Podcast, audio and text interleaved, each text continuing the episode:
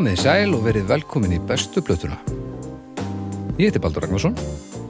Ég er að taka bestu plötuna upp núna.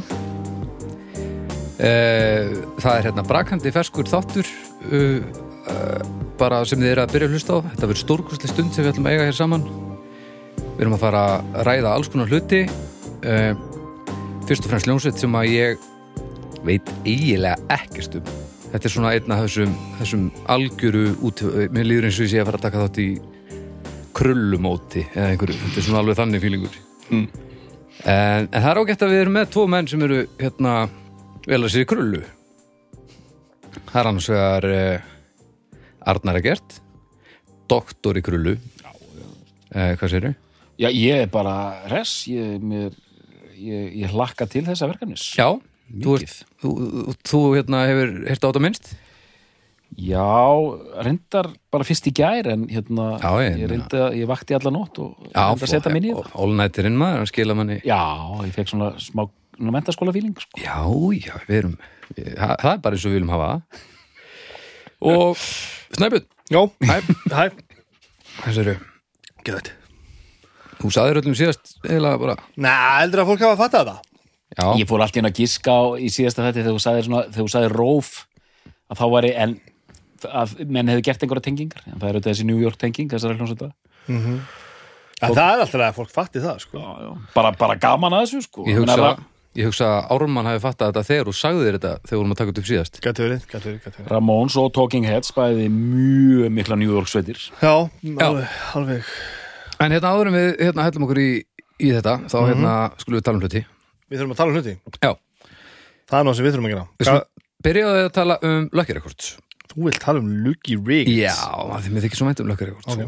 uh, Lucky Records er dásamlega búð í hjarta Reykjavíkur. Uh, svarta svannlum og það, þetta er svo búð sem að, að maður fær alltaf þetta, þetta svona barslega uh, kill þegar maður kemur inn í hana.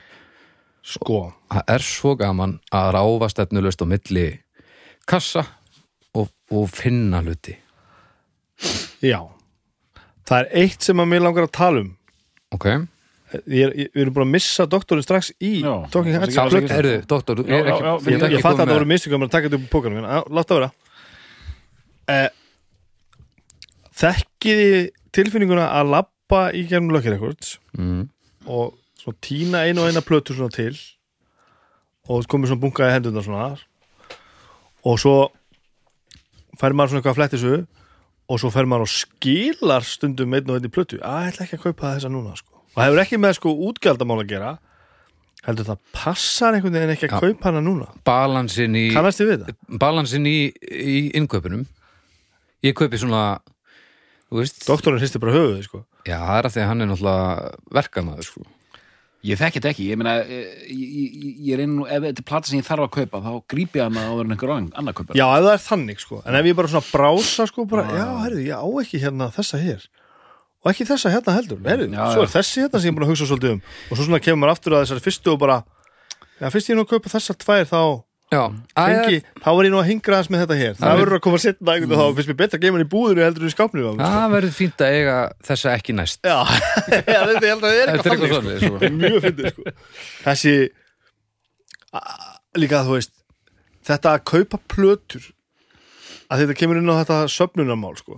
svona söfnunarstöf sem er ómögulegt að safna öllu já, það er svo hellað sko. Já, já. það er svo skrítið hvernig Það maður er einhvern veginn fer engin að sko. búa sér til einhverjum svona útgáfur í höfðun og sér sko að ef ég kaupi þessa þá er ég aðeins búin að fylla inn í þennan reit þennan reit af svona 80 miljón skriljón biljónum og, og þetta er aldrei aldrei að fara að taka enda, aldrei sko. það er líka það sem er svo fallet við þetta það er einhvern veginn þetta auðvitað maður að maður veit að ferðalæginu líkur aldrei máli sko. og maður bara er erfið tilhjóðsum og þá þarf maður líka hérna Ég var rosa gladur þegar ég flysjaði safnið mitt rækilega og gatt farið aftur að kaupa meira svona koncentrerað sko. já, ég held að- Já, ég held að allt í það einu. verið að fara að segja og þeir fara að kaupa aftur plöturnar sem þú losaðir við það er nú komið fyrir sko. En Já, ok. hérna, eh, það sem einhverjar hafa sloppið eða maður fær allt í einu af, af, allt í einu ef maður komið áhuga á bandi sem maður hafði kannski ekki áhuga á þá já, sko. já, Já, já, já, já, já. þá er bara uh, plöðuna slopnar en því ég fatt að það, ég gæti ekki þegar ég fatt að það ég get ekki samna öllum plötum í heiminum sko. það var ágætis Þa, það er rosalegt sko. það er hrikalegt að vera á þeim stað þegar maður er actually að reyna það sko. er einhver er einhver sem á nógu mikið peningum í heiminum veist, geti Elon Musk safna öllum plötum í heiminum það er hann- maður í Brasilíu Já, með akkurat. 20 manns í vinnu og hann er á einhverja miljónir platna þetta er bara einhver algjör geðveiki sko. Hann, hann er náttúrulega með eitthvað svona uh, higher meaning sko. hann náttúrulega að reyna að sapna öllum plötum sem hefur komið út sko. hann er sem Og það- hann svo- ætlar að verða dómstaskvelvingin og svolbara basically sko. Já. og þetta er náttúrulega þetta er alveg þetta er alveg virðingavert að gera þetta en þetta er náttúrulega, þú sér það alveg um leið að þetta er fullkomlega glórulust sko. ég held að hann, já, já hann og líka bara svona þá, þá líka bara á endanum bara hver er aftur tilgangurinn, ég veit ekki alveg, sko. og hvenær fer maður sáttur að sofa sko, hvernig er er já, það er heldur náttúrulega kannski aldræfi sé það og hefur alltaf eitthvað stafni sko, út alltaf til að gera meira sko. já, já, já en sko, en panti ég er að finna núna með, með það að ég er að köpa plötur sko, að því ég átti svo mikið á tímabili hann á geisladiskum sko. mm -hmm. og eins og við vorum að tala um Ramóns í síðasta hætti, ég átti örgulega bara ég ætla bara að giska að ég hafi bara átt allt Ramóns stóti á geisladiskum Já, sem bara svona kom til mig, ég reyndi að byrja að senda að safna. Átti kannski einhverja tvo eða eitthvað sem hefur bara svona komið til manns einhvern veginn og svo tikkaði þetta bara svona ferjaði einn og einn inn einhvern veginn sko, og svo losaði ég mig við alla diskana. Mm. og ég þurfti að kaupa sko Ramónsblötuna fyrir síðasta þátt í lökkir eitthvað til þess að fja- fjalla um hana því ég átti hana ekkert sko, átti enga blötu með Ramóns nú er ég þessa einu sko. Og núna allt í einu sko líka að því erum búin að vera í þessari vinnu með þessa þætti sko þá veit ég núna sko ég þarf ekki að eiga lengur allan katalógi með Ramóns sko. Kannski að því ég búin að því einhvern tíman en það er nóg fyrir mig að eiga þarna ég þarf eiginlega að eiga sko fyrstu fjórar væri rosa gott sko. Já, ég Já. átti flestar prinsplötunar til dæmis. Já, á, já. en ég á held, diskum þá? Nei á plötum á sko. plötum, já, en ég held bara eftir Sign of the Times og hérna Purple Rain. Bara hitt. bara því þú vildir fá herbyggið aftur. Já, bara var, ég var ekki með tengingu, sömu tengingu við restina. Nei, bara þessum gullmálum eftir. já, já, já, já. Þannig að eins og þú segir, fyrstu fjórar. þetta er, þetta Já, er, það er þroska, eitthvað og þá þetta er er einhver- þroskamerki og uppgjöf Að að sjálfsög, þetta er, einhver, þetta er tegund og uppgjöf, Já, þetta er- hvað á maður að gera? Sko, þetta er bara balans sem maður verður að finna Nefnið að uppgjöf er þroski. já, Æ, svo hár rétt stundum, stundum er, Bibi, þú tókst nú full vel í þetta fannst mér Það er hár rétt, ég er sammála þessu já, ba- ég, ég er bara eldri en þú doktor, Ég er bara trúi en að við gefið honum gefið honum minna frýtt spil, spil bara að gefast upp bara Sæður þú frýtt spíl? Sko, Ég þetta er, sagði frýtt spíl. þetta, þetta er hemmt fyrir að því þú varst að stríða mér með hann að barnaskokkin. ég þurfti nú ekkert að stríða þér fyrir barna sko ekki var það þetta, þetta, þetta var að stríða sér sjálft það er fallið dórn, ég er búin að nota það mikið í síðustu viku. Ég ætla bara að nota orð núna. Barnaskokkur. Barnaskokkurinn sko. þetta er gott. Þetta er gott orð. Ég ætla að fara bara að kaupa mér nokkra barnaskokka bara á morgun. Og svo vaknar á morgun bara nei, Ó, ég, ég ég, ég, ég gefst upp ég gefst upp gagvart þessu, þetta er þroski. Þetta er gott. Það er meira samstarf. Meiri, e, Símin Pay er búið að vera að vorka já. þess hérna uh, þáttinn minn? Já, og ég komst alltaf að því að leið og ég byrjaði að nota Símin Pay að, að ég get lagt bílnum mínu með því. Já, ég er búin að nota það Það er nú góð hugmynd. Og það er alveg nú rosalega lengi. Og það, það virkar mjög vel. Já. og, og ekki, engin aukagjöld á því ég ekki kæfta það það er, þetta er afar þetta er afar gott sko. Eh, langar að benda á það að það var verið að bæta við hérna veitingahúsa fítusa sem maður getur pantað og sótt. Já. og það bætist mjög uh, reglulega inn í þetta en af ekkert mjög mörgum stöðum þá glætti mig og bæst að ég merki þetta sem ekki samstarf að það er að panta mat á Brewdog, Duck and Rose og Public House sem eru allt saman stætti Já, allt saman já. sem að, sem að hérna, Eithor, Eyþór. Eithor mar já, á sem að gleðum já, hínu húsaugur tenging hérna. Já, já, já, en náttúrulega gríðalegir veitingastæðir allir, já, já, já, já. jöfis hagnaðar þannig að það er mjög gott, hins vegar eh, ástæða fyrir að tala um þetta hér að, að hérna, það er alltaf svona léttkaups tilbóð eh, sem byrjar alla fymta alltaf hérna, ég er alltaf fyrstum þetta ég get alltaf sagt hérna fólki í hlaðarpinu mínu bara einu appi núna og kaupið svona. Sem er frábært. Það er mikið eitt og, og hérna láta vita af því að það er hérna massíft MacBook Pro tilbúð mm -hmm. gegnum appið hérna svona uh, MacBook Pro M1 þannig að nýju, nýju vélarnar nýju skrimslin já og þetta Já. er bara hægt að gera gegnum, gegnum appið uh, það, það tekur í alveg svona þrjármyndur að, sækja appið og skrá sig inn í það Mhm. og, og hérna ég held að þessi þátti fari út sko daginn eftir að tilbúið eftir inn þannig að þú átt ekki að fara held ég inn núna Já, og, og, þetta og, bara skoða tilbúið Já. full klárt Já. eh, og þetta er svona eh, að fá almennilegan afslátt af, af, af fartólum frá Apple er eitthvað sem að Gerist ekki. Ekki svona allavega. Þannig að hérna bara- heads up, endilega farið og náði í appið og, og hérna og verðið ykkur út um, um, um M1 MacBook Pro á, á gríðarkjörum. Já, þú vil langa mig í nýja laptop. Já, ég, tölva mín er mjög gömul sko. Við getum náttúrulega bara kliftið úr þættinum og þú ferð beint í appið. Bara, kannski gerum við það bara. Það er er bara, ekki snilt það er og bara að hitta gríðara sko, ég held að síminn peysi að, að reyna einhvern veginn að, að ná sér niður á mér eða veskinu á mér sko. Þess að fyrsta vikan sem að, að, að þetta var í gangi þá, þá var hérna afsláttur af, af hérna Samsung hérna svona Buds Já. hérna headphoneum, Já. mínu gömlu er, að- er, að- er að gefast upp þannig að mér, langar þannig Já. svo var Rixu robot Já. skúringagall Já, Það langar mér mest í heiminum Ég Ah. sópa seriós Alla daga endalaust upp eftir bönni mín og, og eftir því var svona espresso kaffivélar já, já, Þannig að annarkvæmt er þetta bara alltaf frábært tilbúið eða þau eru bara out to get me já, Já, já. og núna er það, hérna fartölva sem að ég þarf já, djöfull í sjálfur já, svo er þetta. Þetta er geðvægt, þetta er hérna um, ansi margt í þessu appi á sama stað og þetta, þetta virkar allt. Það Já. gleður mig ógislega, mikið. Já, ég er búin að nota töluvert og ég get staðfesta Þetta nefnilega virkar og það er ekki hægt að segja það um upp, öll upp sig Nei. Það er alls ekki hægt að segja það. Simin Pay Já, og bara aftur minnum við á það að hérna, þessi fyrirtæki eru ástæðan fyrir því að við getum gert það sem við erum að gera og þið getur hlusta frýtt þannig að e, endilega sýnið þeim örlitla ást sem að skila sér beint til okkar. Nákvæmlega. Geðveikt, þetta var nú gaman. Herri, Nú skulum við fara að tala um músík. nú förum við í músíkina. Músíka, múhíka og þetta tala hljóðkirkjuna? Nú förum við í hljókískina Þetta er lókíkuna maður. Það er uh, Það er uh, hlaðvarps, hvað segja aftur hérna listamenn alltaf, hlaðvarps fjölskylda Hlaðars Já, fjölskylda þeir eru miklu betri í sem við sko. Þetta er svona, ga- þeir tala alltaf um að þessu svo gaman að vera partur af þessari fjölskyldu Ímis hlaðvörp þar í þessari heilugu kvelvingu Herðu, byttu við. Þessi þáttu fyrir loftið 14. Já. Hvenær er ássamalið? Það er, já, þú menar Er það ekki lók Hvað fór fyrst í loftið officially? Talar við fólk. Á fimmtudegi og besta Það var part dómstagur sem fór þá fyrstur í loftið.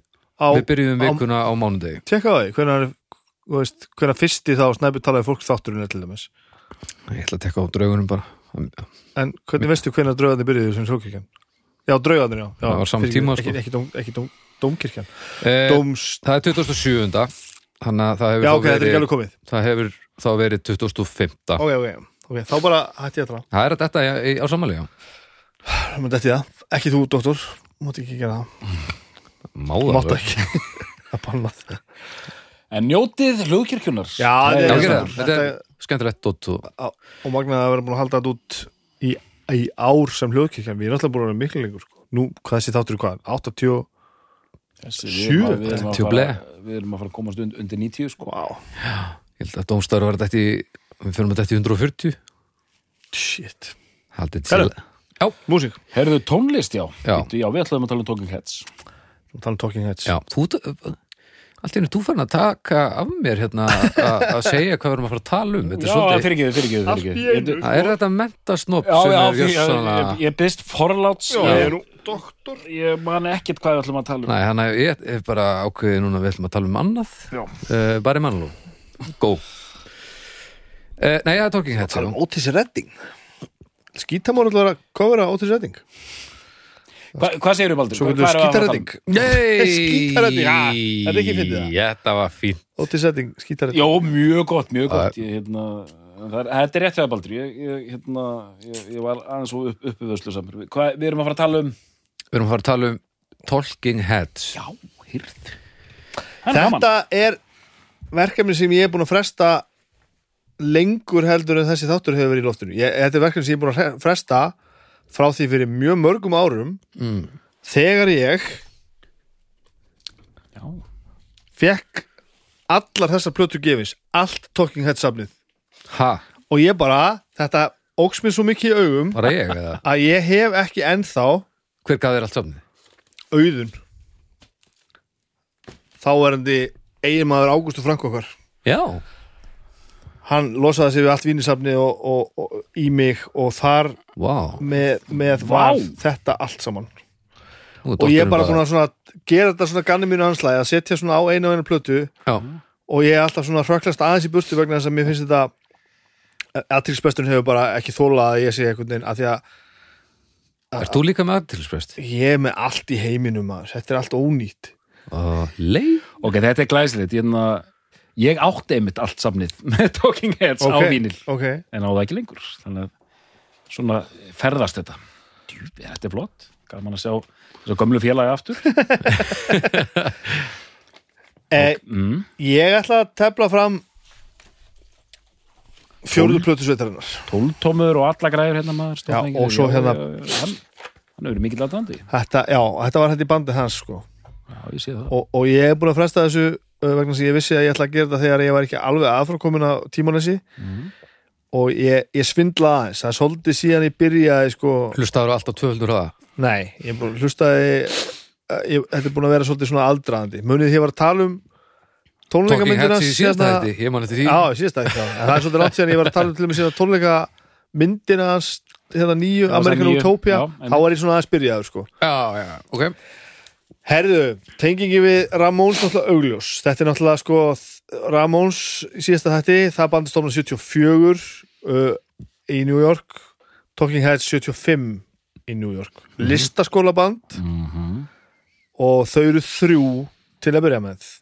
Uh, stofna nú band sem heitir eitthvað annað uppalega. Það er náttúrulega tíknefndu David Byrne sem við höfum náttúrulega að tala mikið um. Uppalega, sko, herri, þetta hefði verið sagt, David Byrne og Chris Frantz trommari -hmm. uh, og svo vantaði bassaleikara Mm og þau leituðu eitthvað bassaleikara og, og fundi ekki eitthvað sem passaði þannig að þeir svona sjanghæðu bara bara kærustunars Chris Frantz á bassa sem er Tina Wey- Weymouth sem er náttúrulega íkonískur bassaleikari, hún er náttúrulega ekki eðlileg manneska sko. og svo þannig einhvern tíman í, ég þekki nú ekki nákvæmlega hérna aðrandana því, þá bætist fjórði meðlimur við Jerry Harrison. Einmitt. Og, og hann er náttúrulega komin hér strax á, á fyrstu plötu sko, sem er s- platan 77 sko, hva, hva, hvað viltu gera? Herðu, bara spjöllum aðeins um þetta. Förum aðeins í gegnum þetta. Ég held að það sé skemmtilegt sko. Tökum þetta dálitið hérna ég með smá intro Kondu með það, nú ert farin að skoða pressuna sko. Já, þetta er hérna svona evrósk pressa, það er svona þýsk pressa. Já, þýsk frönsk. Ég á, Hann, við erum alltaf bara svona stættir á einhverju svona fermingarmóti eða eitthvað, hann er bara að hitta gömlu vininu og bara hvað sko, þú að hérna, í dag? ef, sko, mér minnir þetta sé sama pressan og ég á, ef ég mann rétt, ég losaði mig við allt tókin hetsplötuna, nema þessa. Sem er ákveðið give away Já, ákveði ekki það, en spurjum að leikslokum, Ok, það er aldrei að vita hvað gerist. Hérna, moly. Sko, málið með Talking Heads og nú erum við komin inn á eh, listaskólaband og það er þetta mjög Já. mikill líkill að skilningi á þetta er þessari ljónsveit. mjög art skotið allt saman.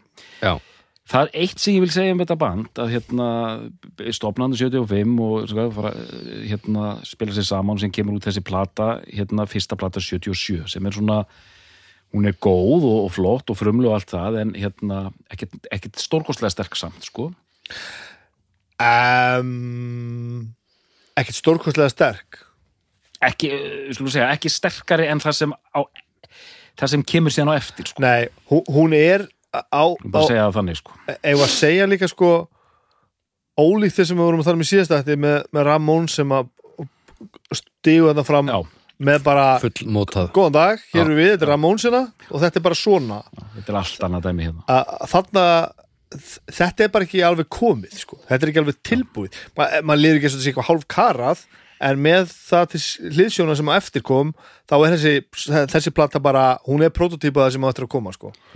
Eitt af því sem Talking Heads gerðu og það er hægt að reka línu frá Talking Heads og í mörg önnur bönd og, og það er eitt ég hef nefnilega verið að hlusta á þetta núna undanfarið og ég er bara í sko svona þetta er rosalega gott band. Þetta er besta hljómsveit sem ég hef ekki hlusta á. Já, þetta er nefnilega alveg rosalega Í gott þessari yfirförminni núna, síðustu vikur þá líður mér bara í alvörunni eins og ég hafi verið að fara að mis við allt og margt í allt og mörg ár. Og ég er ekki að grínast, ég bara af hverju var ég ekki byrjaður að gera þetta? Þetta er bara ekkert eðlilega gott. Það er alveg stórkostið sko. Sko, og hérna, ég ætla bara að henda þið inn hérna að ég las einu sinni viðtal við David Byrne þar sem að tala um það að það er svo mikilvægt fyrir þau þegar þau eru að setja upp bandið listaskóla band og eru þetta með alltaf á hreinu með umslagshönnun og pælingar og allt svona. Þau gengu gegn hérna þessum hérna karlmennskunni í rocki hann sagði Já, Já, já, mig langaði til að gítarinn átt að hljóma veiklulegur áhugavert. Já, uh, ég vildi hafa sko svona, svona þú veist þunn hljóð uh, við áttum að vera sko svona upp á sviði eins og mamma og pappi hafi klætt okkur í fötin. Er þetta David Byrne? þetta er David Byrne sko. Og þú veist, hérna, það sem við vildum gera var að þetta var ákveðin svona hérna, svona yfirlýsing afstafa, við erum búin að fá leið á öllum þessum macho, rock'n'roll hérna, þennja sig Led Zeppelin, allt þetta dæmi við vildum fara alveg í öfu átt svona geek nördisma músík sko. Hérna, urinu tónlist fyrir nördana sko. Þannig að við getum farið beint úr Talking Heads yfir í Víser til dæmis. Mjög já. og allar þessar hljómsveitir. En ég bara, ég man alltaf sko, ég man ekki nákvæmlega hvernig það var, ég man alltaf þess, þessa sendingu, mér langaði til að gítarinn væri svona mjór og vælulegur og, femmin, og feminin eins og hann sagði sko. áhugavert sko. En nú er þessi plata 77 Mhm.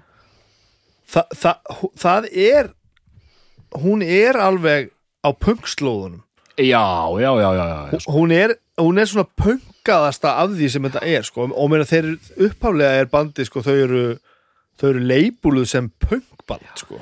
það er að að setja alls konar merki með á þetta, það er að kalla þetta artpunk já, eitthvað artpunk, artrock um, eitthvað svoleiði sko, þú veist, Ég skal bara fara yfir svona hérna- new, new wave Já, ég skal fara dæmi. yfir listan bara. New Wave, Post-Punk, Já. Art Pop, Avant Funk World Beat og Dance Rock. Já, já, já, þú veist. En, en svona, Avant Funk. Þetta er svona tilrauna eh, þú veist, þetta er svona tilrauna pop-rock með alveg svona punk eh, þó það sé ekki um attitútið sko. hann segir þarna Sire Records, skörinn hana hvað hann heitir nú aftur sem er alltaf með, Simon Stein sem er alltaf með dólg alltaf mjög kæft mm. sko, ég- e- ef að ég fyrir ekki með nátt mál þá fyrsta bandi, fyrsta gigið á Talking Heads, allavega undir nafnu Talking Heads ég hétur nú eitthvað aðeins á undir hana fyrsta gigið er að hitu fyrir Ramones og CBGBs sem er náttúrulega segir ímislegt sko. og ég fatt að tenginguna að því ég stilti búin þáttum jú, við séum alltaf svipað, þú veist, á svipað tíma eitthvað. Ég áttaði mikið á hvað þetta var ro rosalega mikið Já, hlið sko. og komum þínu frá. Já. Ég hefði vilja sjá 1976 David Byrne og Joey Ramone tala saman. Hvernig haldið að það samtala hafi verið? Ja, Þetta Í gekkur ba þetta bara baksins í 70 pínlilla bakhefninu CBGB's bara. 75 það er, er það rétt hjá mér? Var þetta sérst fyrsta gigi er að vera hittu fyrir Ramons 75 það er ekki eðlilegt sko. En að því hún nefnir einmitt svo ég klá- klára já, þetta sem já. hann var að segja Það hann, fyrsta gigi er að segja um Talking Heads. Já, einmitt, þannig að sagði er gaurinn hann hvað, hvað sagði hann hétti? Simon Stein. sem að sáðu spila þar og, Mm. og, og sænaðu. Hann segist þarna hafa fundið upp hugtæki New Wave mm, á þetta sko, að þetta passaði ekki alveg sem punk já, og hann fór að segir hann, hann er fucking ljúga þessu að hann hafi hann hafi gefið sér þetta label, þetta New Wave og þá, var, þá hugsaði hann það svona sem þetta New Wave of Punk sko. en það sem að því hún nefnir einmitt punk og skulum átt okkur á því að við erum hann að statir í New York mm að þessu sena, punk sena eða kollega, böndin sjálf tala um það að aðalmálið var að því, veist, Talking Heads, Ramones, Blondie bara fólk sem er að gera eitthvað öðruvísi, eitthvað nýtt, eitthvað annað eitthvað á skakk og skjön. Mhm. og þetta listasenan í New York alveg bara, þú veist, í þvíleikum blóma á þessum tíma, ódýrt að búa þarna, Já, já, það var hægt að gera alls konar hluti. Sko, ég ætla aðeins, tökum þetta hérna hérna raugrætt sko.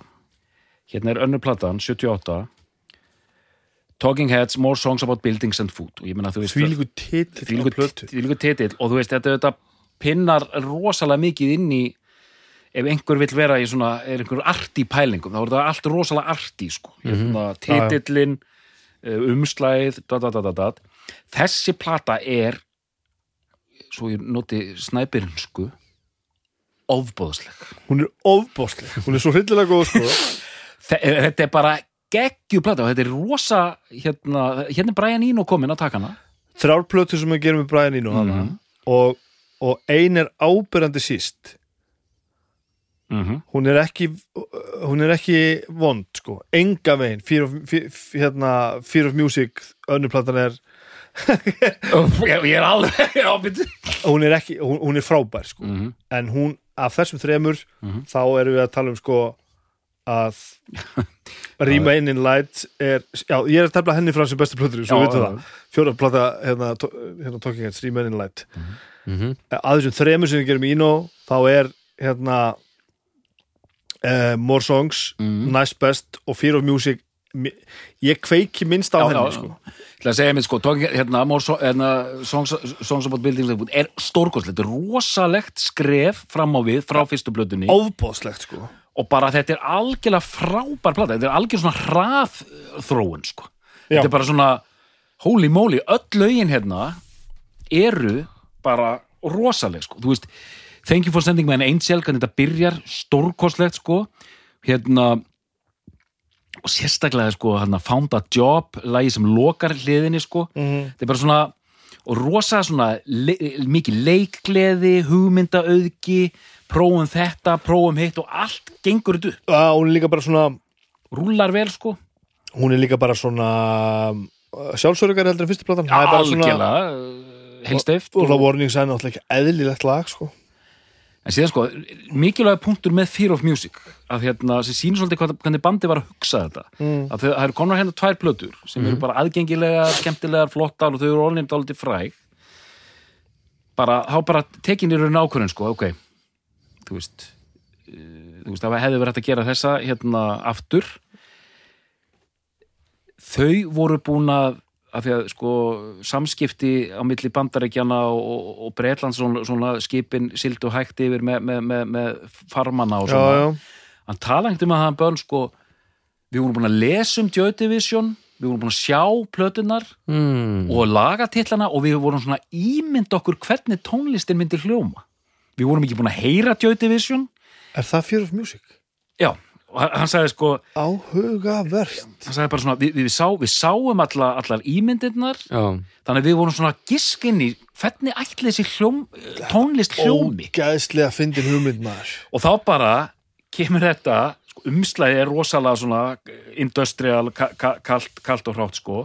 Þetta er mjög Joy-Divisionlegt mjög djóttuvísjónlegt og það er lag hérna sem heitir Memories Can't Wait sem er bara hljómar svo djóttuvísjón en þau voru svona að spila það í blindni þetta er ótrúleg saga en hérna, þessi plata er einmitt já, ég myndi alveg, mér finnst hún alveg geggjuð, en það er alveg rétt hjá þér ég tek alveg undir það, af, þessum þremur er, er þetta svona sísta platan, Já. hún er mjög tilrunakend, dökk og, og, og, og, og svört En, hún ítíman er svona ekki í Nei. stemninguna sem að þú veist er heavy, sko. en hún fekk fanta dóma já, já, já, þetta við, við erum að tala um helviti vel yfir meðalega gott stöf Já, já. þetta er ekki eðlilega góð músík sko. og þetta, þetta, þetta fær svona alveg tíu engun upp á bara hugur ekki að gera Já, já, þau já. voru innan, gæsalap að kasta ferlinum á glæ, eða þú veist, Já. þau hefði geta gert það sko. Já, já, síðan, en þarna líka e, strax er líka bara komið svona býru hristingur í samstarfið þú veist já, já, já það, ba- bandið er bara svona við það leiðast í sundur þarna þegar, þetta,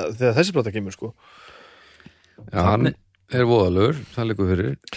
Veit ekki alveg hvort það er orðið voðalegur, hann er hann, já, við möttum að tala mikið um það á eftir. en síðan sko hérna og þú veist þessi afri, afrísku pælinga byrjaðar og svona. Já, já, síðan skulum við fara aðeins yfir í, í rýmennilegt vil, vil þú?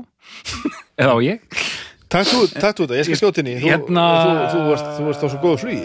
Hérna fyrir mér, ég man sko, já það er smá saga baku þessu blötu, þetta er bara eina fyrstu blötunum sem ég kefti mér. Ok, mm og hinn ástæðan, ég, maður var að hlusta á Rokk og Nýbylgju á Rás 2 og Skúli Helga og þessir og, og það var bara að tala um þessa plötu og bara já, Remainin Light er hérna stórkostlegt meistarverk og eitthvað svona, maður bara heyrði þetta. Mhm. og maður er að kaupa plötur og þú veist, er, er að hlusta á alls konar hluti í fyrsta skipti. Mhm.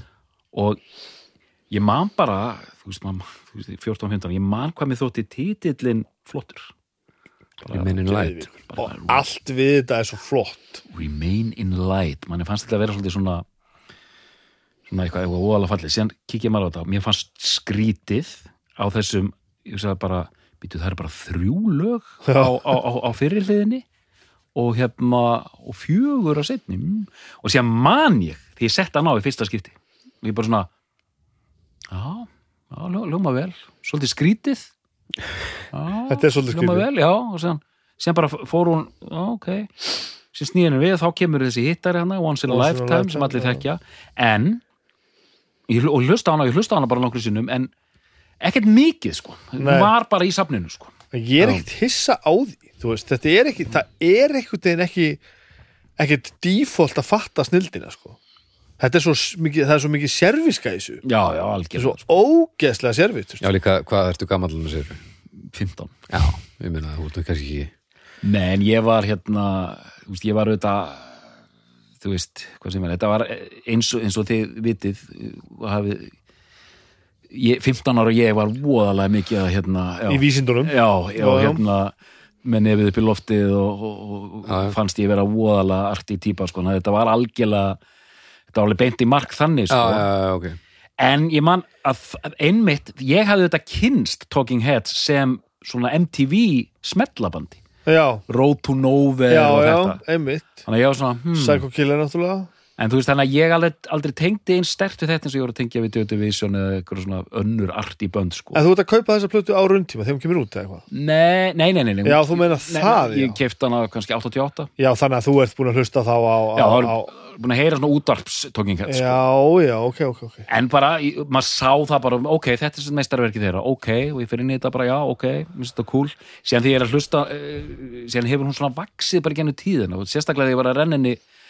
fyrir það, ég gæti ekki hægt að hlusta á þetta þetta er, hún er, hún er, hún er, hún er dáleðan flott. já, já, sem hún náttúrulega er, af því að við erum náttúrulega að tala um sko, þetta, það er verið að vinna með svona transstemningu aðeins í víða, sko Mm.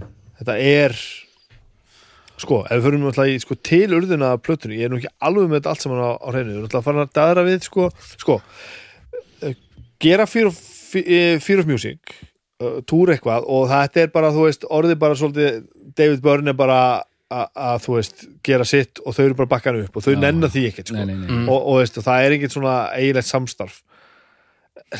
Annarkvæmt er þau svona dipló eða að þetta hefur bara ekki verið tekið á persónulegt lefur eins og maður, ég hef aldrei heyrt þau tala illa hvert um annað. Það er bara svona, já, þetta var bara ekki var ekki þarna, það virkaði ekki, sko.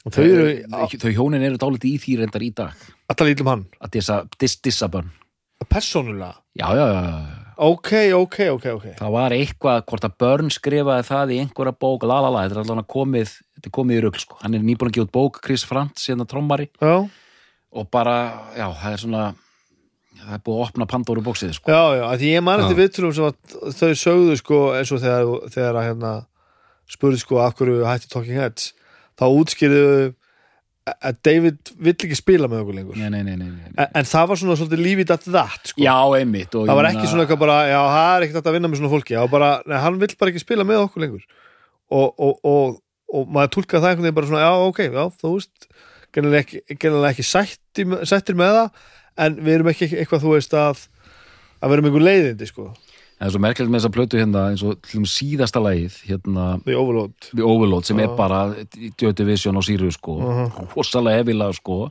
en það sem við erum að gera hérna og þið getið hjálpað mér, tónlistamenninir að hérna, þú veist það eru svona pólirithmar að vera að vinna með afrisk element já, hvað heitir það þarna sem þau tóku svo mikið til Fela Kuti? Já, fel, nákvæmlega, Fela Kuti Brian Eno, ambient gaur, mættur hérna mm. og þessi plata er auðvitað sko unnin til anskotan sko Já, já. finnur að að skera og katta og hlaða og, og, og, og breyta alveg út um allt sko. það sem gerir þessa, þessa plötur náttúrulega ótrúlega í sögulegu samingi er það að þau sérst hjónin eru farin að að- að stúdur þessa afrísku músík svolítið, svolítið mikið sko, er að búa til einhverja e, e, e, veist, einhver e, einhverja takta og einhverja parta á lögum og eitthvað svona Mm. Og það sem end, og sko Brian Eno búin að sverja það náttúrulega aldrei að vinna með þeim aftur þetta er svona, veist, þetta er svona álag að vera, vera, í, vera í kringum þetta fólk. Og þau fara að gera þetta, einhvern veginn að vinna með þessa rithma og þetta, og svona mikið að spila eitthvað svona skrítin bassagrúf og einhverja skrítna pól, pólirithma og svona alls konar dót. Og David Byrne bara heyrir þetta og bara, og, þetta er geðveikt sko. Mm. Og stekkur inn á þetta og, og hérna, þeir höfðu verið að vinna saman hann og Íno að já. þeir eru svona item sko. Já, já, en og svona þeir tveir á móti rest sko einhvern veginn. Og þeir bara fá viður að þessu og bara við verðum að gera þetta. Þú veist, það, ég hef aldrei séð það officially hvort það var bara búin að ákveða að fara sóloferil en bandi var í pásu og Íno ætlaði ekki að vinna með þeim aftur en þeir gerðu saman plötu sko. Mm. svo bara kemur þetta. Það sem gerist þá er eiginlega talandi um merkilega hluti í tónlistarsögunni að þau fara með þessa grunnhugmyndir út á golf og það er opið fyrir upptöku bara að vera að taka upp á teip alveg á miljón Mm. og það er spilað fullt einhverju dóti svo ímestur hlustaðu á það aftur eða tala sér saman Mm. í, í, á æfingunni sko Mm. og þá samplaðu sig sjálf taka kapla sem við bara notum þetta hérna Já. Og fara henni á gólfið og spila þetta ring eftir ring eftir ring eftir ring og svo er bara skorið og púslað sko. Já. og, og lögin verða til eftir að það er búið að spila músíkina Já. það er bara búið að búa til fullt af svona sound, soundbitum, bara lúpum við myndum, þetta er það sem í dag myndum kalla búið til lúpur og búið til lag og lúpum sko. Já. það var ekki til þá Nei, og sko hugsunin er, eitt sko og þannig komum svolítið að þessum afríska transdóti að búa til þessa, þessa lúpupælingu sem allt gerist aftur og aftur og aftur sko. Þannig að hugmyndi kemur pínu þaðan uh, mjög framústafnulegt en svo er sko aðgerðin á Já. þessum tíma Handavinnan bara. 1980, plata Já. kemur út 80 Já. er, er að búa til fysikali fara og búa til músíkur það er gal Það, Það hefur verið mjög leiðilegt mjög oft og Brian Eno er náttúrulega þú veist, hva, hvað er hann? sko, þannig ertu einmitt með þú er með tvo í rauninni svona innræna gaura Já, alveg rosalega sem sko. hafa verið bara allan sólaringin og sko, svo fyndið þegar maður bara byrjar að hlusta á þessu blöti, svo The Great Curve, fyrsta lagið Mm. svo fyndið þetta rúlar í einhverju naumhyggju og þetta er bara svona, þetta grúvar Mm. en þú heyrir hvað þetta er chopped Þetta- þetta er, og, og þetta glitsar bara. Já. þetta er í alvörunni bara glitsar. Og það eru bara það eru bara moment sko sem að hugsa bara þetta, þetta myndi enginn spila. Þú veist þetta er, þetta er Já, engin þetta er bara ekki lókik í neinu Nei. hérna. Bassir alltaf svo, svo hrinur bassin einhvern veginn svona, svona að detta niður stiga sko. og, og allt einhvern veginn. Og frækt þetta með Once in a Lifetime sko að, að hérna Brian Eno hann heyrði það fyrst þá hérna miskildan talninguna hann Já, taldi eitt já, frá já. þremur og fattaði það en hann einsetti sér það að leiðrita ekki í höfðinu á þessu Já, já. heldur vannan lægið vitandi það að þau töldu einn ekki á samastað á hann Já. hann sagði ég ætla að hugsa þetta svona hugsi þið þetta hins einn Mm. og ég ætla að vinna þetta eins og eitt sé hérna, en þá hlustar á Once in a Lifetime aðal grúfið leiður þetta sé aðeins í þessum kórusum sem að vera svona svolítið þá, þá það, það, það, er, það er svona eins og sé tvent að gerast í einu einhvern veginn, þetta er mjög skrítið að, að, hérna, að, að greina þetta. En fyrir svona tónlistar nörd sem hefur gaman að fyrir stúdíu og búið til músík að, sitja með he- headphonea og, og hlusta það sem er að gerast þetta er bara þetta er alveg rugglað sko. þetta er algerlega rugglað svo líka mjög fyndið sko og skoðar hérna insertið í hérna plötunni, ekki þetta insertið hérna frá Midprice Records sem er eins og mjög fyndið, ef þú vilt skoða það það er, getur fengið hérna High Voltage með ACDC á góðum díl. face, value með Phil Collins. Gít, sko, hann er líka bandir náttúrulega orðið svona, er komin svona eh, fastir menn sem eru fattir að spila með þeim reglulega, sko. Hann Adrian hana Bellew sem Já, var já. búin að, til dæmis hann spilar á gítar, Jerry Harrison spilar á gítar David spilar á gítar á bassa spilar Jerry Harrison, Tina Weymouth David Byrne og Brian Eno Mhm. og hljómbor spilar T- Tina, Weymouth, David Byrne, Brian Eno Ah, Chris Frantz og Jerry Harrison spila Já. öll veist og, og, og svo er hann einn á trommur titlaður hérna, Frantz, og svo bara percussionu bara David Byrne, Eno, Frantz Josie Rossi, Já, já. Tina Weym- Weymouth Jerry Harrison, Robert Palmer þú veist, Já, allt í já. bara og bara hvað er að gerast þér allt í hennu sko og svo bara voices, allir í fucking heiminum sko Já, já. og, og þú veist, Adrian Bellews spilaði með King Crimson Já, ég að Tony Levin hafi verið þar líka sko. þannig að þú veist það, það er allt tekið það er allt allt svona traditional stuff. Því er bara hendt út úr gluggan og það bara búið til einhver svona einhver svona trans, svona trönsuð lög. Nú ætlum við sko hljómaskiptingar eru ekki ekki mjög algengar oft í þessu lögum. Þetta er oft bara, bara sami hljómur aftur og aftur, ah, svo bara ah. einhver svona sub hérna hljómar sem að hljóma undir stundum Já. stundum ekki bara vinna með grúf og eitthvað svo alltaf erum við, ón og allt þetta dót erum alltaf verið með hennan mann Já. sem er náttúrulega á einhverju rófi sko. hann er nú sjálfur, sjálfur talað um hérna, einhverjuna sína sko, hann er Aspergeri Asperger sko. hann er aldrei verið greindur nú ok það bara, til að sjá nýlega tvittar bara, fyrstu greiningu nei, nei, þetta bara passar allt já, sko. já, já, Þannig að ég, ég er betri núna held, eða betri, semst, ég, ég, er, orðin minna sósilega okkvart núna heldur ég var þá og maður sér það á boxólum. viðtölum við að þá hann er bara, veist, hann er oft bara einhvers staðar að- mjög svo til hliðar við okkur hinn sko, miklu svona nær okkur í dag. En, en hann segir sko ástæð fyrir að söng svona var bara, hann var bara ha- hann vissi bara ekki hvernig það átt- að vera.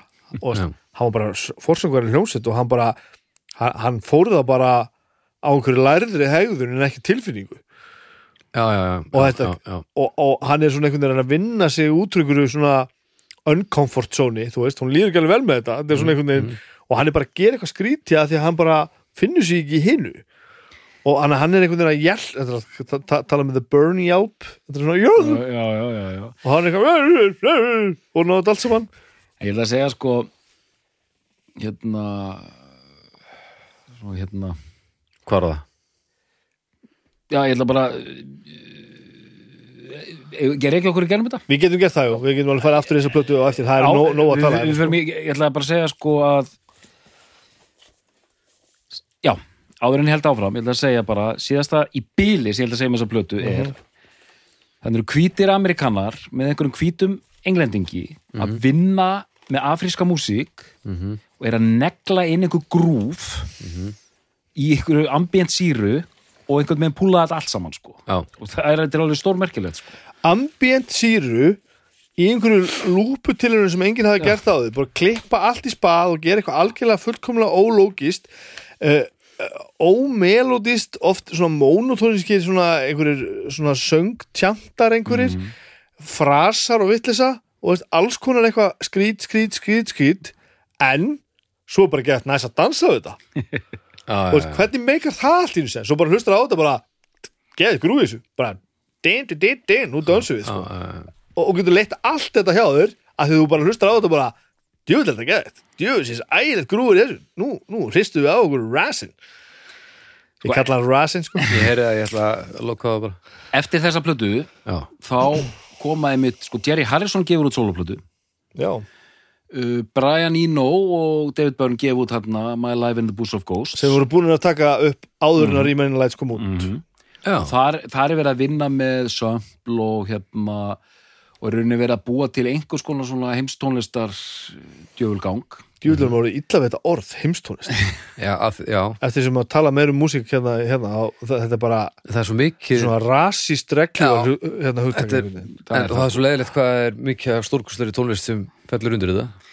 Um, já, og sem, já, þetta er þetta emitt og þetta er svona heimstónlist já, þetta er búið til að hvítum hérna vesturlanda markasmókulum til að selja einhverja nýgerísk geisladiska frá Nýgeríu Já, allána, þeir eru að vinna með þessa afrísku tónlist, jara, jara, jara og þau, hjónin, gef stopna hann Tom Tom Club og gef út svona hip-hop hérna innblásna plötu. mm -hmm. Að þetta er alltaf að gerast þarna eftir þetta 83 þá kemur þessi plata út, Speaking in Tongues og þarna er enn einn breytingi, nú er bara ákveðið bara, núna gerum við bara poptónlist. Já, nú förum við bara að verðum aðgengilegri er hættur þarna og þetta er bara svona já, gera bara svolítið svona aðgengilegri plötu sko. Þessi plata er sko, stórkostleg sko. Já, hún er algjörlega frábær frábær sko. Burning Down the House er hérna fyrsta lagið og bara þetta er rosalega flott músík og þannig er maður farin að heyra sko, sem ég var að segja sko bara hvað þetta er gott já, já, já, já. gott band, góð, góð lög úthugsað, allt flott, allt gengur upp. Já, aldrei, af því að ég er ykkur bræður hérna Já. af því að nú erum við með bara eitt sko mest arti band allra tíma Já. en aldrei fer þetta út í einhver svona óþægilega tilgerð. Það er það er snildin. Já. Fyrir það mér er er það- balansinn sko. Það er það, fyrir næstu mér er það snildin. Það er hvernig, næstu hvernig er það hægt? Já, það er næstu ógerlegt sko. já, ég, já, þetta er þetta, það er þessi balans sko. Að Ná að halda í gleði og, og kæruleysi á sama tíma og taka það alvarlega. Það er bara ótrúlega liskurinn. Þú þurfum að stökkva í mitt hérna. Ég sá hvað fara að gera. 84 er gerð bíómynd með Jonathan Demme hérna leikstjóra. Mm. tónlistarmynd eða tónleikamynd og þar er þetta sem er bara svona minni í, í dægur menningarsögunni. Þessi hérna risastóru jakkafött hans David Byrne sem hann The Big Suit. The Big Suit þetta er ekki eðlilegt þessi mynd er fáránleg sko. Hérna, hvernig hún er byggð upp fyrsta lagi þá er hann bara einn. Einn kassagítar Já. kemur inn og hýttur að play á kassutæki Já. og það er sko, þetta er í svona theater stemningu, svona tónleikasal og það er kveikt ljósun á sviðinu og það er engin leikmynd. Þú sér bara veggina og svona stíi á bakvið og svona, bara svo tómt leikhús sko. og þú veist, síðan tínast tínist liðið inn á svona hún kemur inn á, eitt af öðru tekur næsta lag með honum trómarinn og síðan kemur hann- fyrsta lagi er sko, er ekki Psycho Killer? Psycho Killer er fyrsta lagi einn með kassagítara með einhvern, rithma í Á kastustekki á kassutæki ég held að sko, fyrsta lagi var Psycho Killer síðan kemur inn að Heaven, síðasta lagið á hérna Fear, Music, Fear of Music. Já, mér finnst það er ekki hægt að skoða er, er þetta ekki að það? það er ekki hægt að skoða hérna listan á, á þessu af því að launin er ekki sumur röð á, á, plö, á plötunni og, Já, og myndinni. En sko síðan tínist li- liðin á sviðið og áður nú veist af þá er allt innu komnir bara tíu manns. Veist það eru, það eru percussionleikarar og hérna auka gítarleikari og hljómbólsleikar og allt sko. Mhm. og útgáfan af hérna hérna What a day that was. Nei, um hérna Live in a Wartime. Uh Já, hérna, coverstöfið Nei, live, in a war, live during wartime. Live during Wartime, Já. já. Það, það sem ég er að, er að hugsa hérna þetta er hvítt band Já, en þú veist, helmingurinn á sviðin eru svartir. Já. og það er bara hent í eitt svakalasta grúf ever, Það er sturlað sko. Hvernig horfður á þetta síðast? bara í gær. Ég horfði á alla myndina núna í vikunni og svo svona svona bits and pieces eftir það sko. Þetta er ekki eðlilegt sko. Þetta er bara ekkert eðlilegt. Ég, ég hafði aldrei séð þetta. Ég hafði séð, ég hef séð þú veist, myndir af þessu og ég hef séð svona urla þú veist, Eitthvað, þú veist, eitthvað lampadansinn og eitthvað svona þetta þú veist eða maður sér þetta bara svona uppáðið til enda Mm. og einmitt þetta sko einu kemur þetta og allt fyrir bara og allir verða bara og þess að tvær bakranda stelpur það og allir þú þetta er bara hvernig er þetta gerast sko? Ég, ég var að horfa á þetta með koninu í gær ég var að sína henni þetta, ég sagði sjáðu þetta, móhör þarna er bara hvítasti nörd sem þú getur fundið bara að grúfa eins og ég veit ekki hvað. þetta er alveg galið þetta er svo gott sko. Bara svo svart og hvít mætist þarna í einhverju fáranlegum transið sko, allt gengur upp, sko, allt. Hann, hann, hann lítur út eins og hérna, sko, hérna hann, hann lítur út eins og uh, hvað heitir, gest, hann, gest, ekki gestakennari hérna, veikindakennari, nei aflýsingakennari. Hann lítur út eins og afleysingakennari í landafræði Já. og, og séðan er hann bara grúfa hann lítur út svona eins og skopmynd af aflýsingakennara. En þetta mestaravekk sem talaður Orðlaus, sem, sko. sem mestaravekk hérna, þessi tónleikamynd stop making sense. Það það er engar ofsugur sagður á þessu gigi. Nei. þetta er rugglað sko. þetta er alveg Þetta er hvernig að segði 86 84 84 84, doktorum veit það? Okay. uh, þetta er svo merkilegt sko 84. Valdur, hérna, það er aldrei skot í rauninni það er bara skot á áhærvendur bara rétt undir restina sko. Já, þegar taka hérna, me to the river. Já, það er bara bandið þú sér bara bandið Já. allan tíman sko. Og með hérna og þetta er náttúrulega gjörsamlega útpælt sko, ég sá viðtal við hann nýlegt þar sem hann var eitthvað að rifið upp sko. Og allt pælt hérna sko. En þau voru einmitt, já, svo þessi leikstýrt sko þetta er, þetta, er tónleikaferð sem var farin með þetta sjó.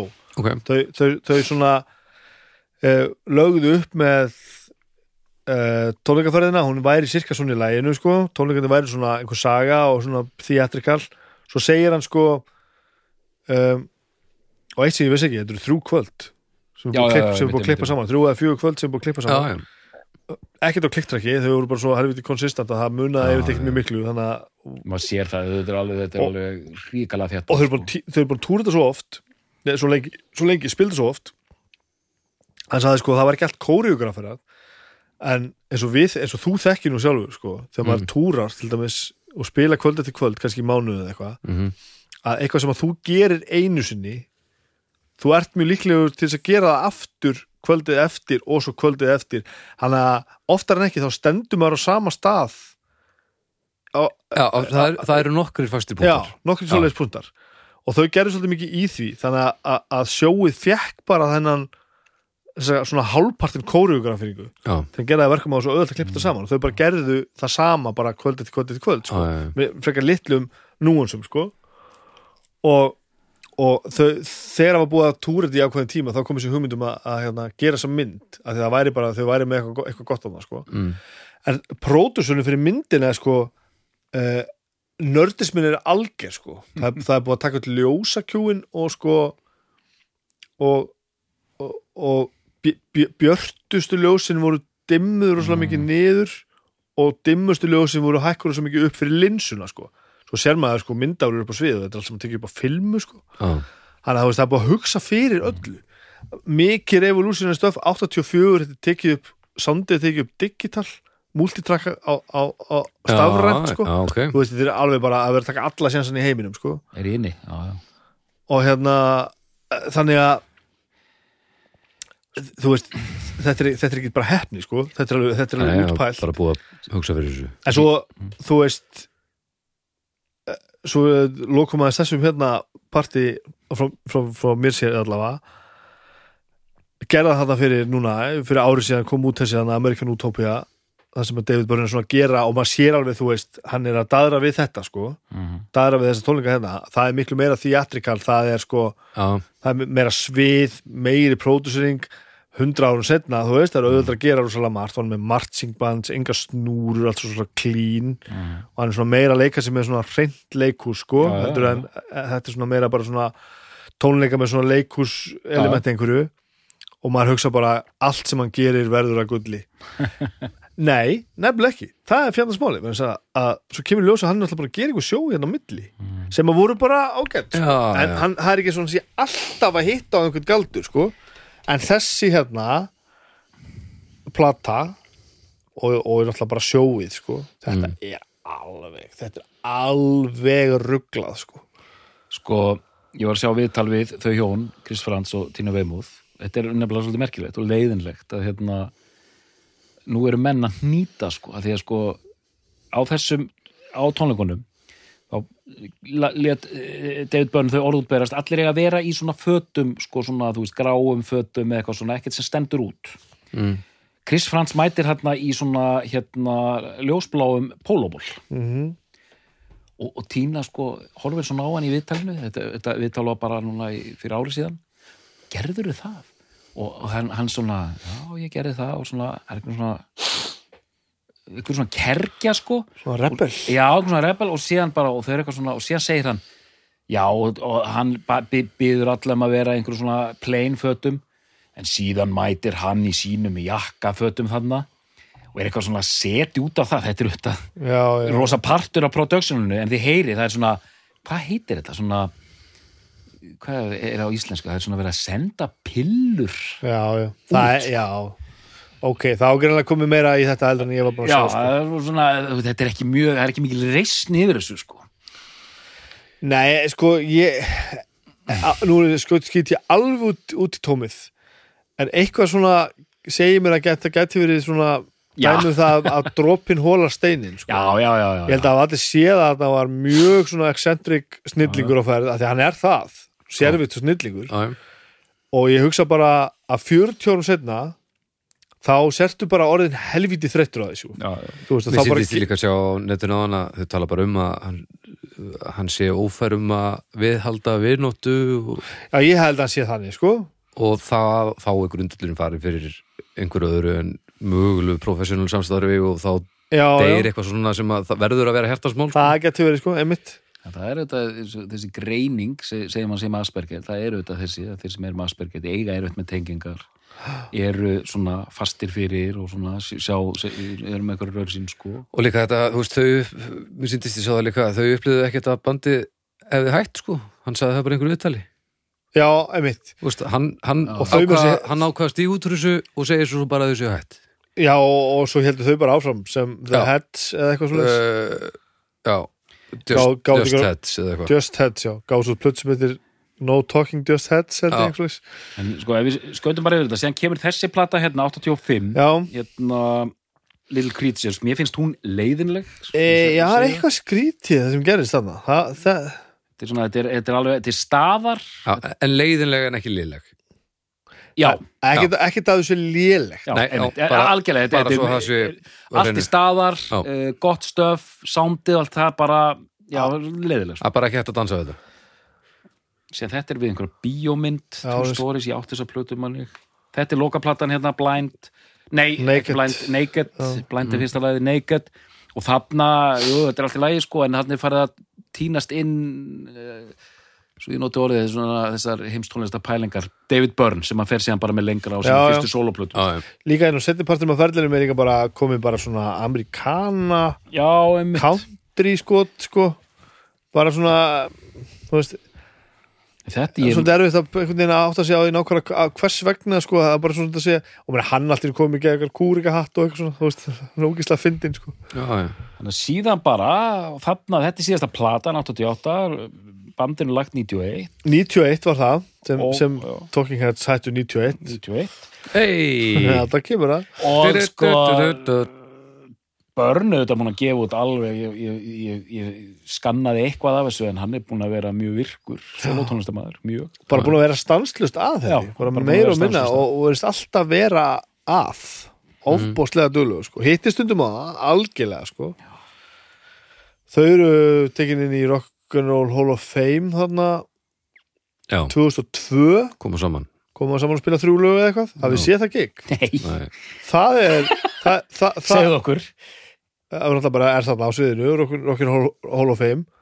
Dörrullu gott. Nú, já, og það er bara allir vinnir. ég veit ekki um það. En, en það er mjög skrýt að sjá band sem er ekki búin að spila saman í tíu ára, ég vil ekki að segja að þau eru búin að æfa, þetta er ekki nema þrjú lög og þau kunna sitt fag, sko. Já, en eh, hafandi og veist, þekkjandi ekkit söguna og veit ekki þetta og hafi ekki svona upp, upplifað þetta samhliða þeim mann líður ekki eins og þetta sé eitthvað bandi ykkur kompaki, þetta er bara rosa effortless. Já, já. Ég held líka að þau hafa alveg verið virk eins og hann að Chris Frantz og, og Tina Weymouth sko. Hérna, hún alveg sko hún er svo skemmtilegu bassalegari hún alveg sko bara með þú veist, sinn eh, sitt orðspór sem er mjög gott og hann mjög flott utrómari, Jerry Harrison hann var sko starfandi áður hann var hérna með Modern Lovers Já, áður en Talking einmitt. Heads byrjaði.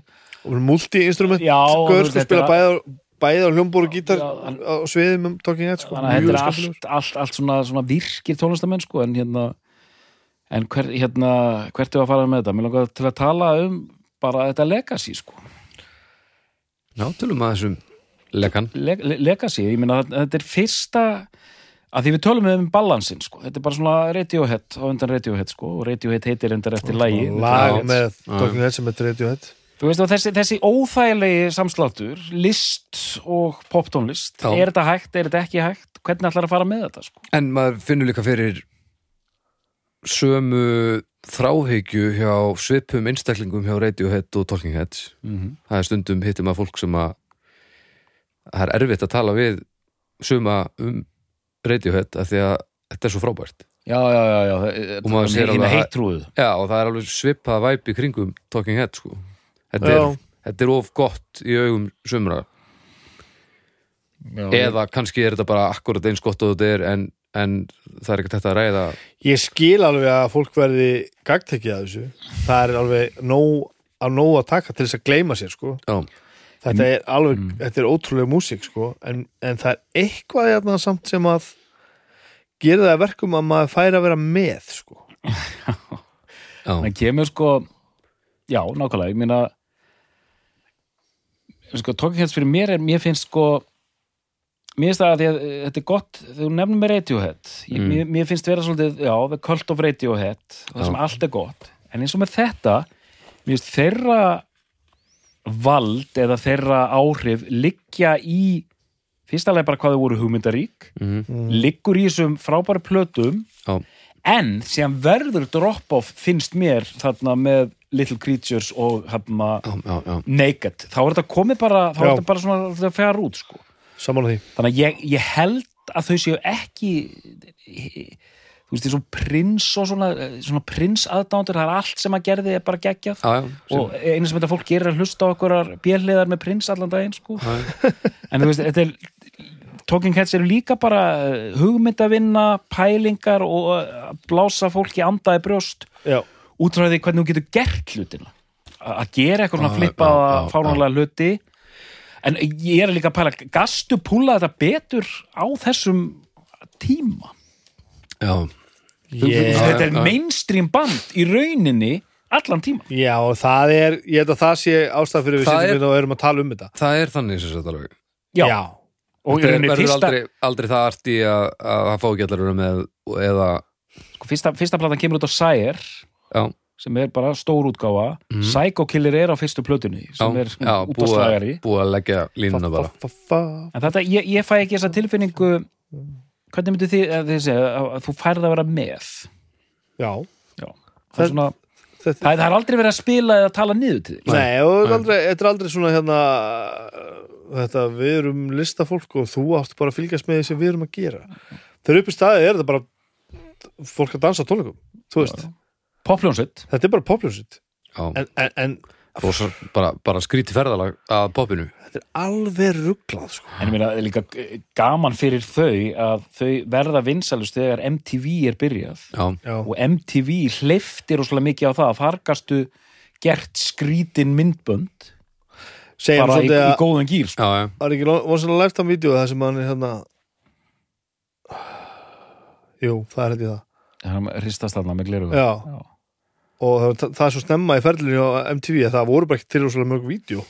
Já, já, þú veist, þannig að það var svolítið spila bara því að það var ekkit, ekkit og þetta er bara fyrir svolítið upp í dagskrána sko. já, og hérna Ro- Road to Nowhere hérna myndbandið, þú veist, bara, bara hægt að flippa sko.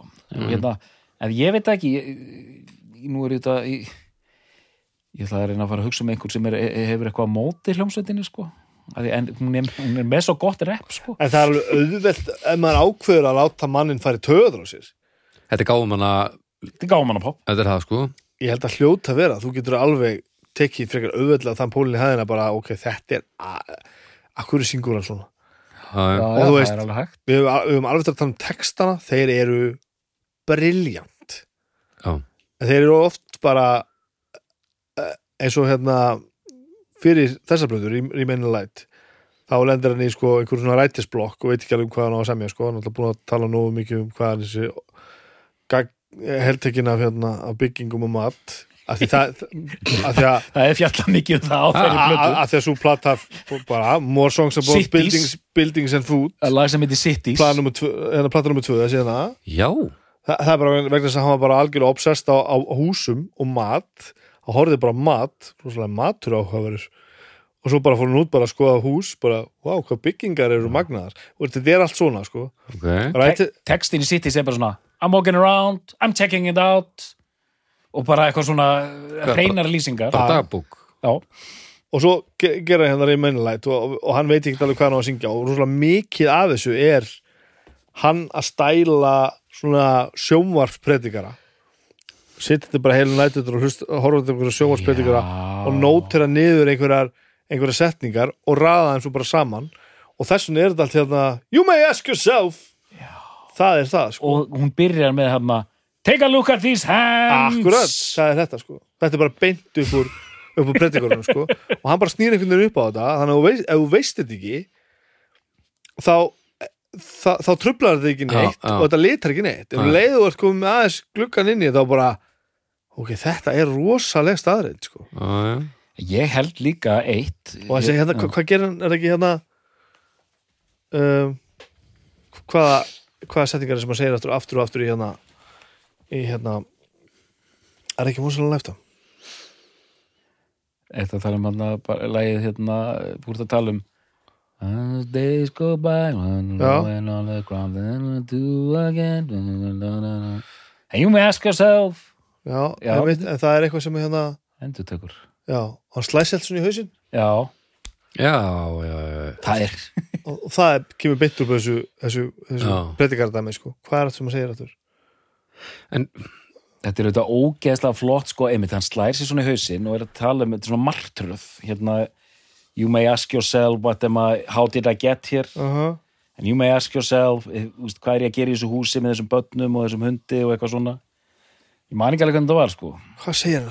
Já, Oh, how did I get here þetta er svona, þetta er svo ógeðslega flott svona um fyrringu nú tíma mannsins þetta, já, hvað er ég að gera inn í þessari íbúð? Hérna, you may ask yourself with my beautiful wife with my beautiful house, how did I get here? Þetta er bara svona þetta er bara svona 1984 Já, já. fílingur sko, bara eitthvað svona fyrring sko. En eins og þetta með matinn og, og byggingarnar mm.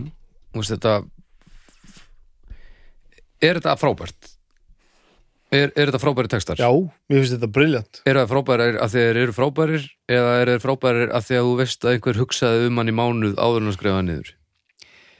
Þeir eru frábærir að því að þetta kemur plata með lægi sem heitir Cities þar sem textin er bara, ég er að labba um borgina og horfa á einhverjar hérna horfa á einhver hús og þetta er ekki eitthvað drast sko. þetta Nei. er poetry, hann er, hann er frábært ljóðskáld já, sko. já, já, það, Það- er það sem það- maður heyrir þetta- sko, en ég bara þekkir ekki neitt veist, þannig- já, það er aðalega innblásturinn sem er fyndin en, en Já. hvernig hann raðar upp orðunum og svona, það er já, ógeðslega já, gott já, það sem maður hefur séð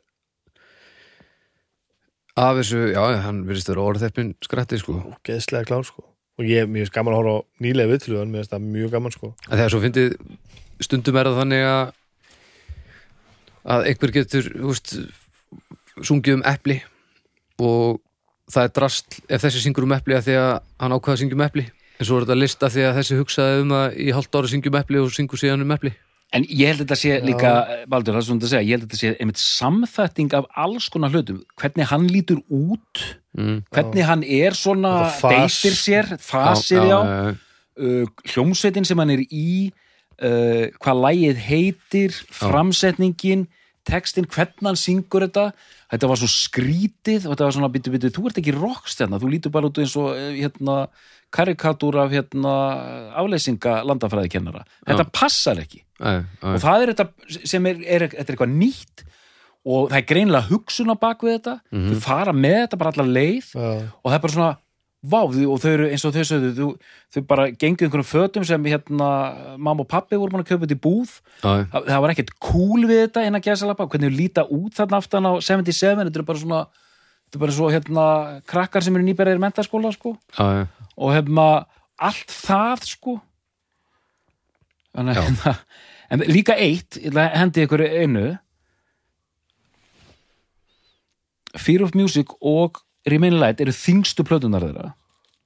En svona to tormeltustu tormeltustu plötunar þær eru það. En að því að þú ert að tala um að maður vera með það er einhvern veginn fara aldrei á það stig að það séu svona að maður hafa tilfenguna hei, nú ætla ég að gera úgeslega þungt og afskræmt lag til þess að hérna, gerum eitthvað geðvett progga sem enginn já, sem skilur. skilur. já, já. það virðist aldrei liggja undir missunni það er aldrei missun já, þannig að það er svolítið svona lausnin sko. Já, og þú veist, gott dæmi Once in a Lifetime, það átt að kötta það laga plötunni en David Byrne sagði leið mér að gera, leið mér, leið mér hérna gef mér smásjans og þá kemur húkurinn í lagið sko. Once in a Lifetime, þetta allt saman já, já, já. Og, og fram á því fyrir, fyrir þeim var þetta bara þetta virkar ekki, það er ekkert í þessu sko. þannig að eins og að hittir allt geðveikt Mm. þá fannst þeim lagið ekki byrja að virka fyrir það kom húkur húkur Já, sko. já. þannig að það var, þar var bara beinlýnis verið að leita að einhverju Já, til þess að gera lægið bili intriguing sko. Já, já. Þannig að það lag er líka algjör bríðir á plötunni það er það sko ef það væri ekki þarna þá væri hún eiginlega eh, of svona Tóttil búðingur það það, það, öll hinn lögin eru svona minimalísk hérna, Já, já. uh, unnin og svona, svona artí sko. Mhm. þetta er eina lagið í raun á plötunni sem væri hægt að spila í útvarpi af einhverju viti sko. Já, en bara já. fyrstu tvö lögin eru sérstaklega hérna uh, byrjuðu hérna eh, lag tvö hérna Crossed and Painless. Cross-Eyed and Painless, þetta er svo þetta er svo töff. Já. shit, Það er svo þetta er, gott- þetta er bara svo svo gott orðið fyrir þetta, þetta er svo töff. Maður verður allir bara já, þetta. maður er svona, vá. Bara, vá, þeir eru alveg með þetta maður. Shit, og svo bara ef maður setur þetta í eitthvað svona samingi bara 1980, það meikar ekkert sens. Þetta er mitt þetta það meikar ekkert sens að þetta sé gert 1980 það er, það er bara svona borderline að vera hægt. Mm. fyrir utan að svo bara að láta sér þetta í hug. Það er alveg ótrúlega sko. við verðum sko, við setjum Cross-Eyed og Painless á hérna þegar við hérna förum út sko. Já. Ekki þú spurning verður að heyra þetta baldur. Það er alveg, þetta er alveg, þetta er alveg Heyri, ég ætla að fara að kalla uppgjör ég held að sé allt í lagi sko mann líður sem að geta talað einhvern veginn endalust mér fannst þess að við varum búin að vera í 25 minútur Við erum búin að vera í 25 myndur og, og, og meira. Uh, Snæpin já, Byrjum að þér. Hm, Byrjum að þér. Ok. Uh,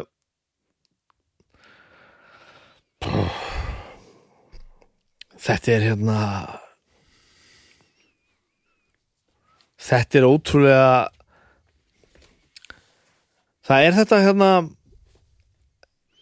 þetta element að- Hvernig gengur? það er ekkert mjög vel sko. eitthvað sem þú veist að hefur alltaf verið þarna þetta, þú veist þetta bandið stofna áður en ég fættist sko. Mm. og þetta er nafn sem ég alltaf vitað af alltaf þekkt frægustu lögin Mm. alltaf vitað að væri rosa influensja, rosa mikilvægt og eitthvað og ég leti þetta fara alveg framhjá mér sko. ég svona vissi svo veist, hver hann er auðvitað, David Mhm. Byrne og ægilega svona merkileg fígúra og vissi að þessu samstarfum við Brian Eno og, og þú veist, alltaf þetta einhvern veginn sko, þetta væri eitthvað þarna en Mhm. ég var hafði aldrei sett mig í þar stellingar að svona virkilega bara, ég þarf að vita af hverju þetta er Mm. af hverju allir eru að segja að þetta sé svona merkild af því það er eiginlega enginn sem segir eitt annað sko. mm -hmm. og svo bara 43 ára loksins fer ég bara að að best að ég hérna takk ég þetta svona frekar fyrstum tökum bara og, og, og bara ég þarf að skilja þetta og það tók mér bara svona hálfan dag þá var ég bara heldtekin að hvað þetta er mikil snild sko Mm. um, orð sem að við erum búin að nota of sjaldan upp á síkasti já, sko. er þetta er fullkomlega hlistaflust mm. þetta er búin að inspirera náttúrulega ekkert eðlilegan hóp af fólki sko Nei, en, en þú, þú feikar það ekki að vera talking heads þú ert ekki eitthvað svona spúf af því það er ekkert sem hljómar eins það er allt og margt annað sem að sem eru að tribut bönd að núti? Ekki það Það hlýtur bara er að vera. Haldið að einhverju komist upp með það? er, já, já er Það það er- ekki alltaf þannig? Það komast all, öll þessi tributum komast upp með þetta því að fólk vil bara heyra þessi lög á tónleikum. Já, já, það virðist vera nóg sko. Já. og svo er þetta býsna við það. Sævar, vinnum minn Sigurgesson sem situr hérna á Hjá móti- okkur. situr hliðina á mér í vinnunni alla daga endalaust og við tölum mikið saman og við erum náttúrulega saman í, í hljómsitt og upp í hvað og hvað sko. Og hann veit náttúrulega að ég er að gera fullt að hlaða upp um alls konar og ég byrjaði að raula eitthvað Talking Heads stöf bara já, Talking Heads næst. Og það er bara að spotta það og ég er hlusta mikið á fyrir þættina bara, já, já. og þá einhvern veginn veist, hann er ekki svona músiknörd.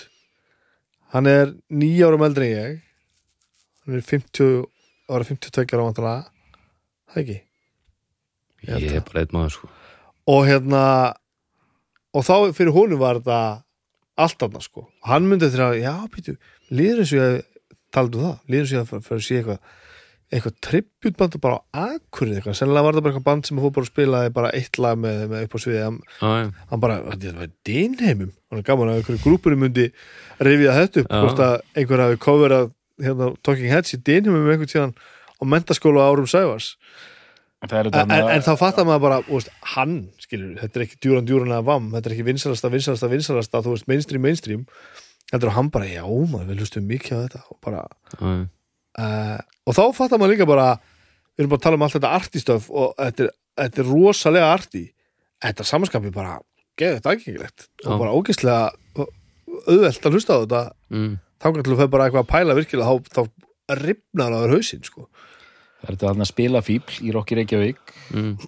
með lag sem heitir Talandi höfuð mm Já, já, bara svo ég hendi því inn já, að já. einhver verið brjálaður sem er að hlusta sko. Sem sagt, það var band, það var bara þetta eina lag á Rokki Reykjavík spila fíbl, Birgi Móðansson og Bassa mm. pappinar hérna hérna, eh, mammut já Mamút já, já, og hérna, hétt Talandi höfuð það var bara tribut, já, en ásakið ja, bara, ég hef ekki held ég meira um þetta að segja sko. þetta er bara já, það er einhvern veginn hálf skrítið bara að vita svona lengi af þessu en, en, en mér líka við að segja komist hjá því að að dífa sér í þetta. Já. þetta er alveg þetta er alveg drugl sko. Já, já, þið er allavega báðir í bata Núna. Dóttor, stættu við. Sko, það eru tvær plötur sem komið til greina finnst mér sem besta plata Talking Heads. Ok, uh, og uh, More Songs About Buildings and Food finnst mér vera algjörlega frábær sko, ok. Stórkostlega plata. Já. uh, en síðan er og Remain in Light, það er nú oftast talað um hana já, Og- Já, það er hannig já, Ok. og, en, hérna, en hinn svona líka. En þar sem vegur núna fyrir mig er bara líka þessi, þessi, þessi gamla æsku tenging sem ég átti við plötuna sko. Uh að mér fyrir ekki mjög vænt um hana og ég var bara uppgöta núna enn og aftur hvað þetta er klikkað stöf og þetta ótrúlega Fear of Music er mjög svona tilraunakent plata og það er verið að reyna ákveðna hluti en mér finnst þetta allt smetla á Já. Remain in Light og vel það. Þetta er algjörlega hliðstæðulegst verk sko. Mhm. og þetta er bara svona, það er ekkert það kom ekkert á eftir í, það var ekkert fyrir það heldur sko, Nei, þetta er bara fáránlegt dæmi sko. Já, þannig að já, ég verð að segja það. Hérna, Remainlight er, er toppurinn á ferli Talking Heads, það er bara þannig. Ok. Geðvikt. Mm. áður en við klárum þetta að verði að nefna þetta já, hérna nokkar á hérna hina tónleikablötuna með þeim Og- við, viðtalstis og hérna 45, hérna 45 stundinga smá singla hérna. Já, þetta er flott. En svo á ég hérna mynda vínil uh, við, viðtalsplötu. Það er eitthvað við að ég setti þetta á í dag til þess að bara, Viðtalsplötu? Að þetta er bara viðtal. Viðtal við, viðtal við David Byrne. Ha? já ætli þetta hafi verið algengt form að gera þetta? Má sjá.